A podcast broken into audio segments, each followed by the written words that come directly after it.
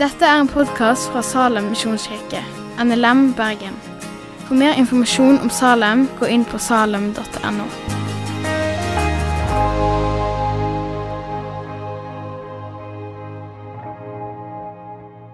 Gode Gud, eh, takk for ditt evangelium, takk for din frelse. Jeg ber om at du må åpne ditt ord for oss eh, nå. Eh, Hjelp oss til å lytte med åpne hjerter og ta imot det du vil tale for oss. I Jesu navn. Amen. Som som har med seg en bibel, så er det jo bare å, å skru den på. Uh, uh, skal lese litt i dag, så det, siden det er så mye tekst, så tenkte jeg at det kan være greit å følge med. For det er såpass mange ting.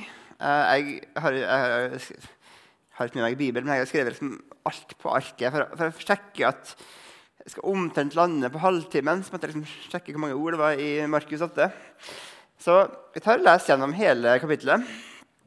En annen gang på den tiden var en stor folkemengde samlet, og de hadde ikke noe å spise. Da kalte Jesus disiplene til seg og sa, 'Jeg synes inderlig synd på folket.' 'Dere har alt vært med meg i tre dager, og de har ikke noe å spise.' 'Sender jeg dem sultne hjem, vil de bli helt utmattet på veien.' 'Noen av dem kommer jo langveisfra.' Disiplene svarte, 'Hvordan kan noen skaffe brød til å mette alle disse her i ødemarken?' Han spurte dem, 'Hvor mange brød har dere?' Sju, svarte de. Da ba han folket sette seg ned på bakken. Så tok han de sju brødene, ba takkebønnen, brøt dem og ga til disiplene for at de skulle dele ut. Og de delte dem ut til folket. De hadde også noen få småfisk. Han velsignet dem og sa at, også skulle, at også de skulle deles ut. Og de spiste og ble mette. Etterpå samlet de opp brødstykkene som var til overs, sju store kurver. Det var omkring 4000 mennesker der. Og han lot dem dra hjem. Straks etter gikk han i båten sammen med disiplene og kom til traktene ved Dalmanuta. Fariseerne kom og ga seg til å diskutere med ham. For å sette ham på prøve ba de ham om et tegn fra himmelen. Da sukket han dypt og sa, 'Hvorfor krever denne slekten et tegn?' Sannelig, jeg sier dere, aldri skal denne slekten få noe tegn. Dermed gikk han fra dem, steg i båten igjen og dro over til den andre siden. Men disiplene hadde glemt å ta med brød. De hadde bare et eneste brød med seg i båten. Jesus ga seg til å advare dem og sa, Pass dere og hold dere unna fariseernes surdeig og surdeigen til Herodes. Men seg imellom snakket de om at de ikke hadde brød. Jesus merket det og sa til dem, 'Hvorfor snakker dere om at dere ikke har brød?' Begriper og forstår dere ennå ingenting? Har dere så harde hjerter? Dere har øyne, ser dere ikke? Dere har ører, hører dere ikke? Husker dere ikke uh, hvor mange kurver fulle med brødstykker samlet opp da jeg brøt de fem brødene for de 5000? Tolv, svarte de. Og det brøt de sju brødene for de 4000. Hvor mange kurver fylte dere da med brødstykker? Sju, svarte de. Han sa dem, 'Forstår dere ennå ikke?' Så kom de til Betzaida. Der førte de en blind mann til Jesus og ba han røre ved mannen. Han tok den blinde hånden og ledet ham utenfor landsbyen. Spyttet på øynene hans, la hendene på ham og spurte, 'Ser du noe?' Han så opp og svarte, 'Jeg ser mennesker.'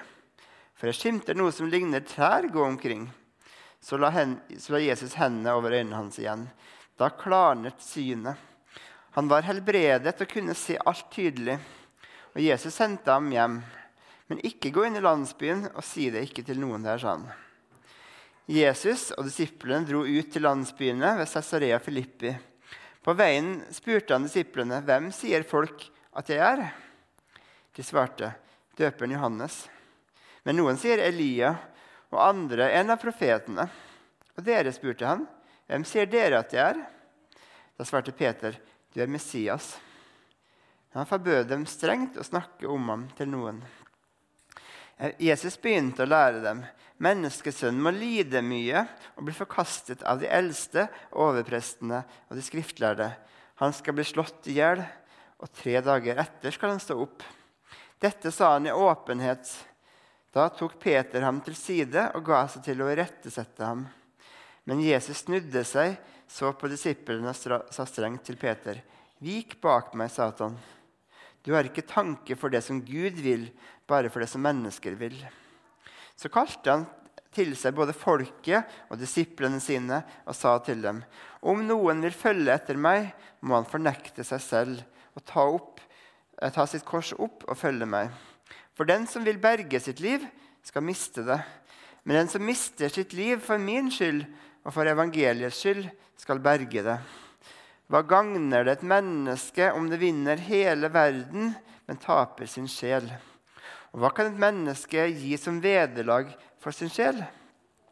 For den som skammer seg over meg og mine ord i denne utro og syndige slekt, skal også menneskesønnen skamme seg over når han kommer i sin fars herlighet sammen med sine hellige engler. Eh, I dag skal jeg si litt om det å følge Jesus. Eh, det sto det om Markus 8 om etterfølgelse. Og jeg skal snakke om en side med etterfølgelsen. Det å følge Jesus har flere ting, men en side ved det handler om det vi holder for å være sant. Det jeg holder for å være sant. Og særlig så er det to ting som jeg tenker er spesielt aktuelt det jeg holder sant om Jesus, hva, hvem han er, hvem han er for meg, hva jeg lærer om han, hva jeg sier om han, eh, og hva vi sier om hans død og oppstandelse, altså evangeliet. Hva er sant om evangeliet? Og etterfølgelse handler om hva vi holder sant, for være sant av Jesu ord, av Bibelen. Um, det å være kristen handler om og det følger Jesus handler om å tenke om virkeligheten sånn som Gud tenker om virkeligheten. At Gud definerer hva som er sant og godt og ikke godt og løgn osv. At, at vi godtar det som Bibelen sier, og det som Jesus sier. At vi holder det for å være sant. Så det å følge Jesus handler om å holde noe for å være rett og sant og tro det. Eh, og videre så handler etterfølgelse om våre liv i denne verden. Um, og så har jeg tenkt på forholdet da, mellom det som vi holder for å være sant, og denne verden. I spenninga mellom disse to så leves i hvert fall en, en del av etterfølgelsen av Jesus.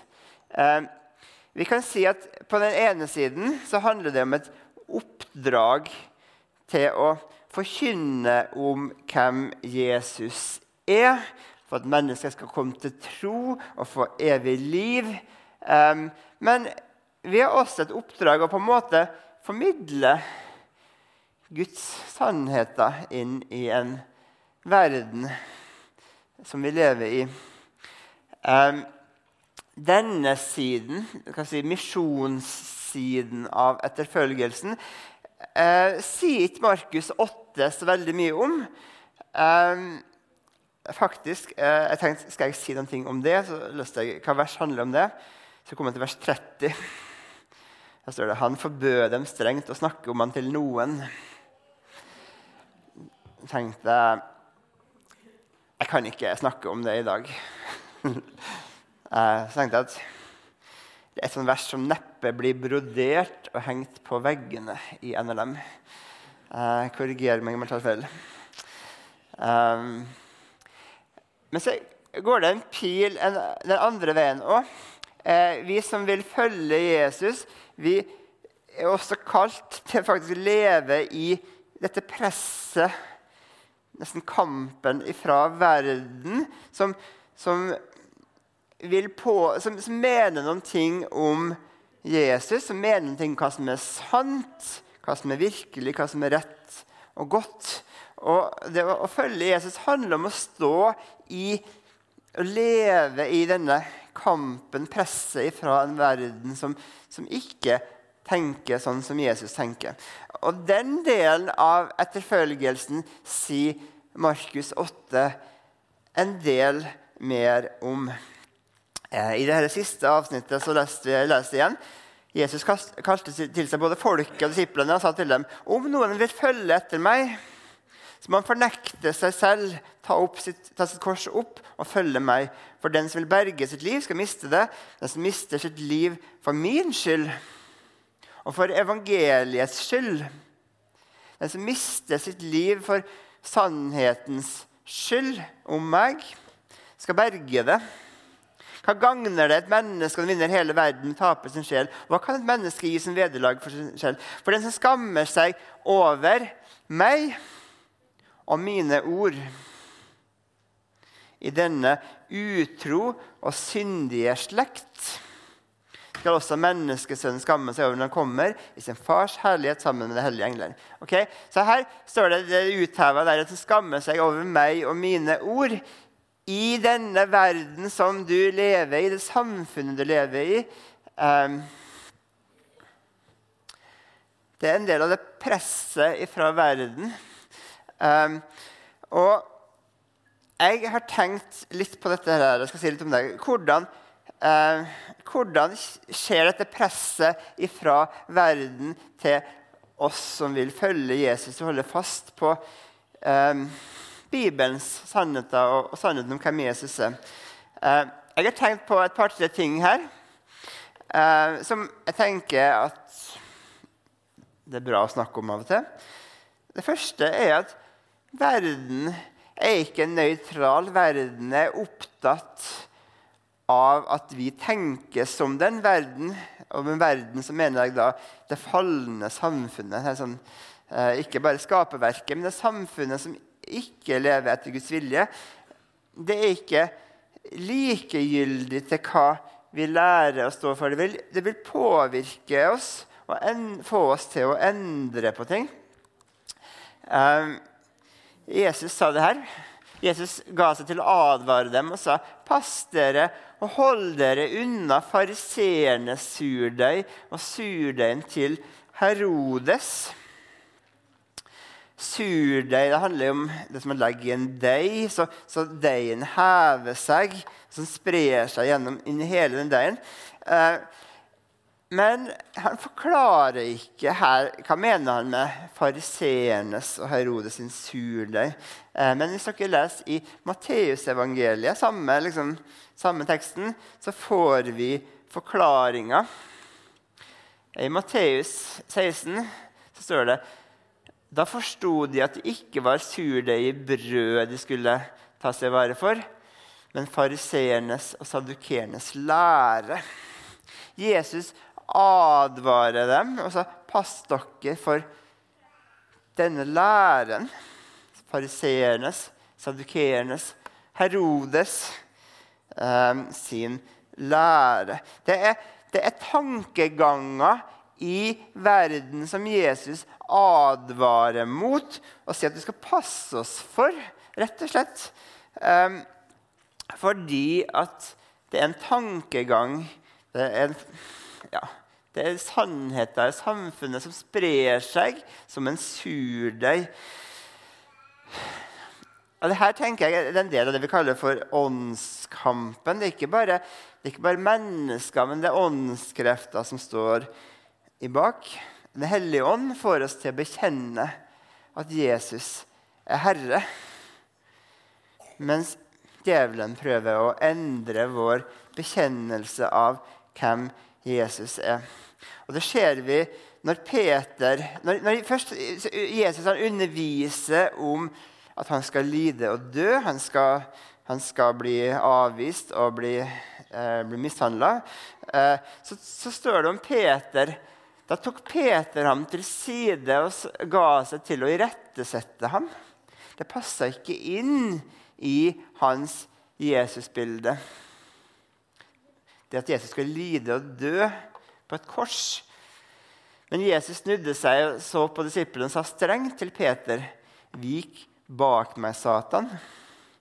Um, når Jesus prøver å på en måte endre hvem Jesus er, og hva han skal gjøre, så, så blir Jesus sint. Og så peker han på, han peker på djevelen, Satans, finger i det. Eh, er, vi har en fiende som vil endre på sannheten om Jesus og det som står i Bibelen. Og jeg tror at budskapet her er at det er surdeiger i dag. Kanskje ikke sadukera, fariserer sine surdeiger, men det er, det er surdeiger. Hva, hva slags surdeiger er det Jesus ville advart om i dag? Hva slags surdeig er det som vi kan mm, lett ta inn over oss? Hva slags tankeganger lærer er vi står i fare for å bli påvirka av, preger tanken vår, preger verdien vår, hva vi tenker er rett og galt og godt og ondt, hvem Jesus er. Um, både på diverse sosiale medier og på diverse jeg, Disney Channel eller hvor det skal være hen, så blir vi påvirka og utsatt for ulike surdeiger av lære som, som jeg tenker at det er noe som de som vil følge, dere som vil følge Jesus i dag, Ta til dere den advarselen, i hvert fall av bevisstheten. Ta dere i vare for hva du blir påvirka av. Vær bevisst på det. Det andre jeg har tenkt på, er at verden har en tendens til å skape skam til vi som tror på Jesus, over det vi tror på og holder for å være sant. Um, dere som har Bibelen, kanskje i vers 11, og 12 og 13, så kommer fariseerne til Jesus. og De var kritiske til Jesus. Og så sier de at kan du gi oss et tegn? Kan du gi oss et tegn på hvem du er? Og jeg har tenkt på det her eh, Når Jesus ikke gir dem et tegn, så sier jeg ja, hvorfor skal vi da tro på deg? Det er jo tåpelig å tro på noe som ikke er vitenskapelig bevist. Vi kristne vi tror på ting som, som ikke alltid er så lett å bevise sånn naturvitenskapelig. da. Uh, uh, og så kan vi føle oss som kan føle, Jeg kan kjenne på det, jeg følte meg som dum at jeg tror på en usynlig Gud som ikke kan bevise. Så kan det være, ja, men Kom et bevis da på det at det er sant. Nei, jeg har ikke noe bevis. Og Jesus er ikke så veldig opptatt heller av å gi tegn. Dere får ikke noen tegn til ham. Nei.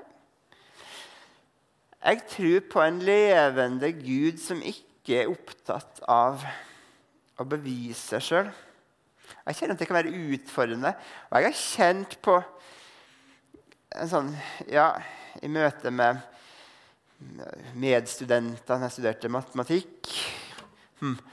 Jeg skal forklare en bekjenner. Jeg tror på Jesus. Ja, hvorfor det? Har du noen rasjonelle argumenter for det? Ja, jeg, jeg, jeg, tror, jeg tror, bare det er sant. Ja, hvorfor? Hm. Um, så kan, jeg, kan vi kjenne på at vi kan kjenne på skam over Jesus og over hans ord. Og jeg vet ikke om dere noen gang har kjent på det. Jeg har kjent på skam over både troen på Jesus, men kanskje enda mer ordene til Jesus. Kristne lærer f.eks. om fortapelsen eller samlivsetikken. Det er jo fullstendig ukorrekt å stå for det som Bibelen sier om det. Og jeg kan kjenne at ja, skammen over å stå for en ting er litt det så langt unna i de riktige mm, sammenhengene eller, eller møtene med mennesker. Eh, det er, kan, det er, noe vi kan, kjenne på, rett og slett. Eh, Paulus han skriver om det her. Jøder spør etter tegn. Grekere søker visdom. Men vi forkynner en korsfestet Kristus han er en snublestein for jøder og dårskap for hedninger. Men for den som er kalt, både jøder og grekere, er Kristus Guds kraft, Guds visdom. Kanskje innebærer det å forkynne og bekjenne en korsfesta Kristus? Ja, det er dårskap i verdens øyne. Uh, og det, det skal ikke, jeg skal ikke si at mitt hjerte er så helliggjort at jeg aldri, at den skammen aldri kommer snikende på den som helst Den, den, kan være der. Fordi jeg lever i denne verden. Uh, så må vi minne oss om at ja, han er Guds kraft og Guds visdom. Vi har visdommen. Det er vi som har visdommen.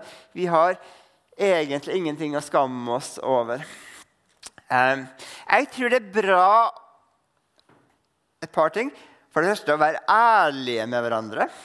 Og kunne sette ord på at av og til så kan også vi som er kristne, kjenne på skam over ting. Jeg ønsker ikke det. Jeg vet at det ikke er rett, men jeg må være så ærlig og si at av og til så, så, kjenner jeg på det. Så kan jeg dele med andre. Kanskje du kjenner det på Ja, kanskje ikke. Ok, eh, Skal vi be for hverandre og støtte hverandre? Så kan vi minne oss, minne hverandre på at ja, men, du har ingenting å skamme deg over. Du har Guds visdom. Jesus er Guds visdom. Det er vi som har den sanne visdommen. Så både være ærlige på hva vi kjenner på av og til, men hjelpe hverandre til å rette blikket på hva vi faktisk har eh, hele tida. Eh, den tredje tingen jeg har tenkt på her, er verden som forfølger den som holder fast på Jesu lære. Eh, Jesus snakker om å ta opp sitt kors altså gjøre seg klar til å dø. Det betyr Å ta opp sitt kors betyr å gjøre seg klar til å dø, rett og slett. Um,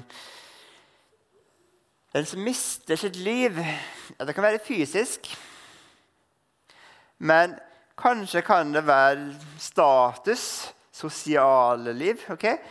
Er du klar til å miste sosial status? For noen kanskje det er verre enn å miste sitt fysiske liv. vet ikke. Eller økonomiske liv. Å bli forskjellsbehandla. Er du klar for det? Jesus sier at det å følge ham det vel, altså, kan innebære å miste sitt liv, om det er fysisk eller om det er andre ting i livet. Eh, men jeg har tenkt på en ting. Jeg tror ikke at verden forfølger eller forskjellsbehandler fordi vi bekjenner troen på Jesus. Jeg tror ikke det er det som er problemet. Jeg tror at forfølgelse, diskriminering, er på grunn av alt det vi sier nei til når vi sier ja til Jesus. Sier jeg ja til Jesus, så sier jeg også ja til Jesu ord, sier ja til Bibelen. Og da sier jeg nei til en del av verdens sannheter og verdier. Eh, Jesus snakker om å skamme seg over meg og mine ord. Og jeg tror, jeg tror det er min mening. Jeg tror at forfølgelse og diskriminering skjer mest pga. å holde fast på Jesu ord, på Bibelens lære. Um, I lignelsen om såmannen i Markus 4, som dere har vært gjennom, kanskje dere har snakka alt om det før, um, så står det på samme måte er det med, det med dem som ble sådd på steingrunn. Det er de som straks tar imot ordet med glede når de får høre det. Men de har ingen rot. Det holder ut bare en tid. Når de møter motgang og forfølgelse for ordets skyld Jeg har beit meg merke hva det står å møte motgang og forfølgelse for ordets skyld.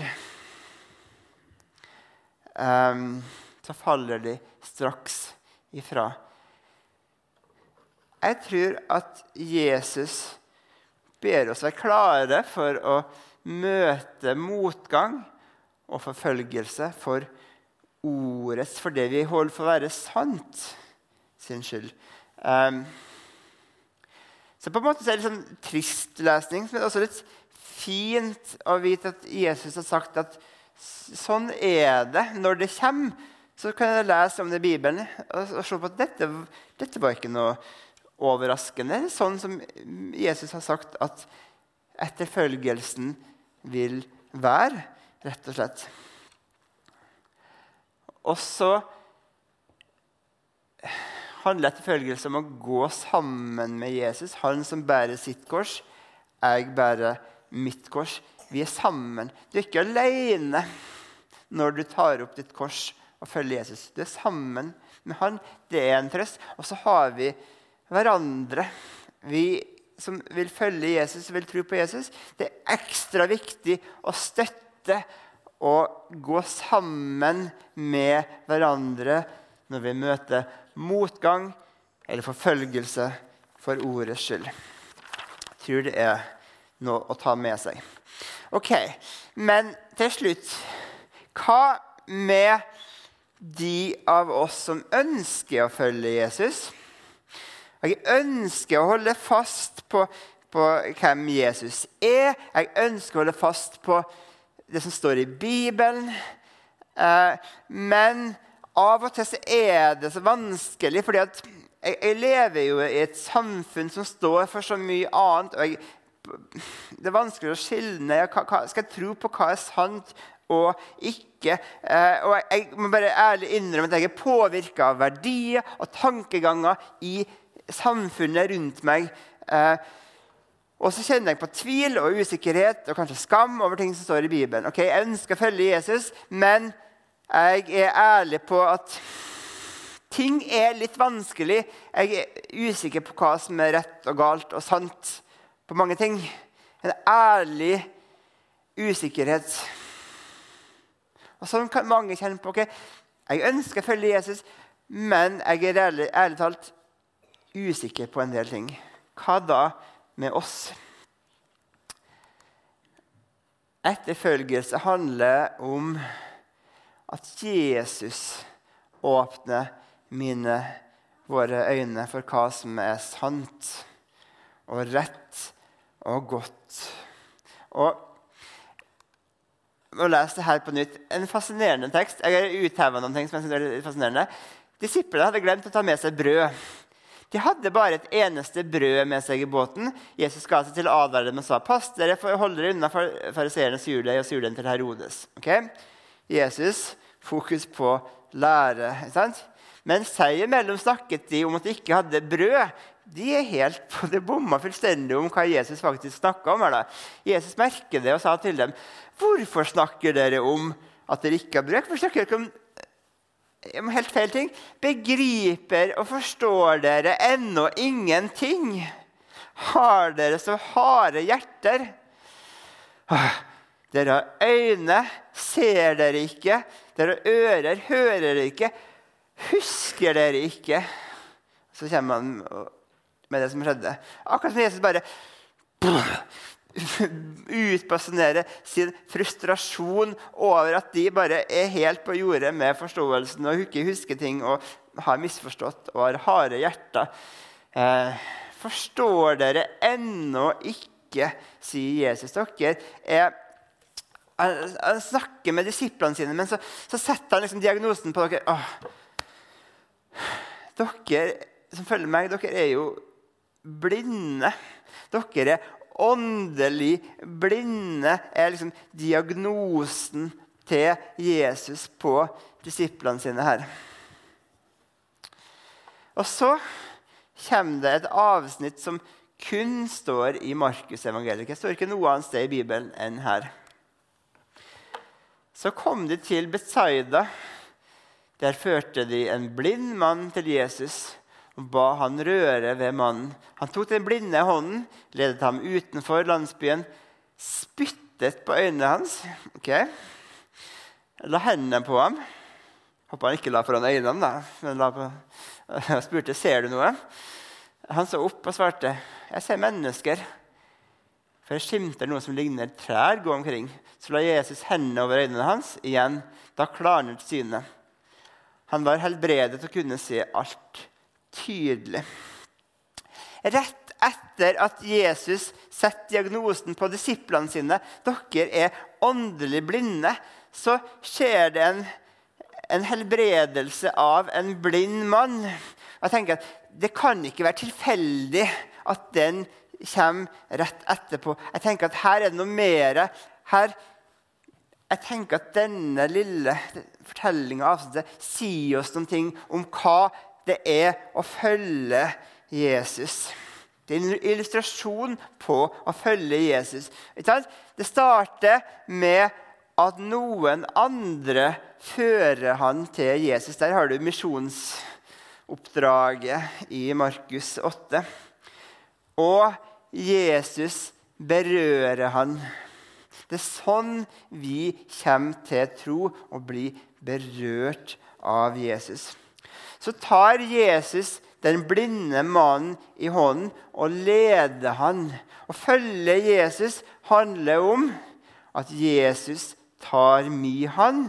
Jeg som er åndelig sett helt blind og har eh, misforstått masse forskjellig.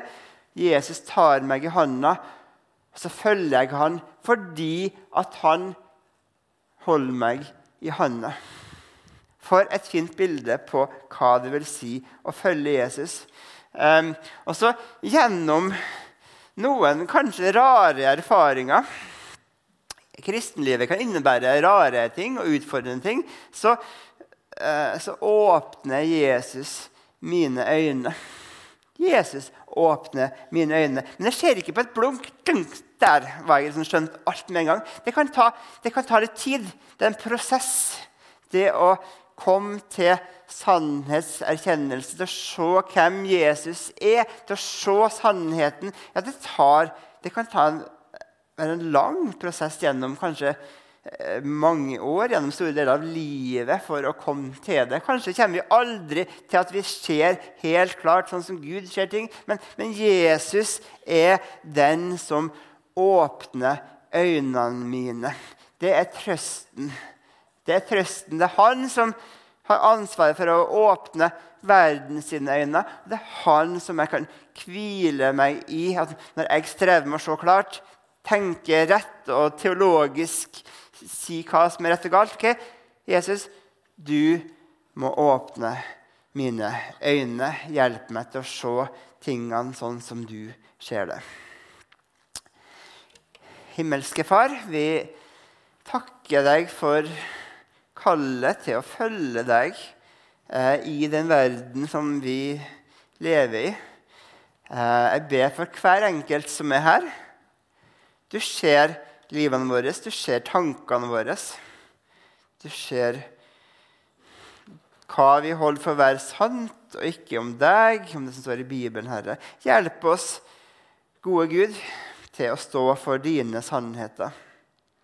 Sjøl om samfunnet rundt oss drar oss i en annen retning. Og takk, gode Gud, for at det er du som åpner våre øyne. I Jesu navn. Amen. Takk for at du har hørt på podkasten fra Salem, Bergen. I Salem vil vi vinne, bevare, utruste og sende. Til Guds ære. Vi ønsker å se mennesker finne fellesskap, møte Jesus og bli disippelgjort her i Bergen og i resten av verden. Vil du vite mer om oss, gå inn på salem.no.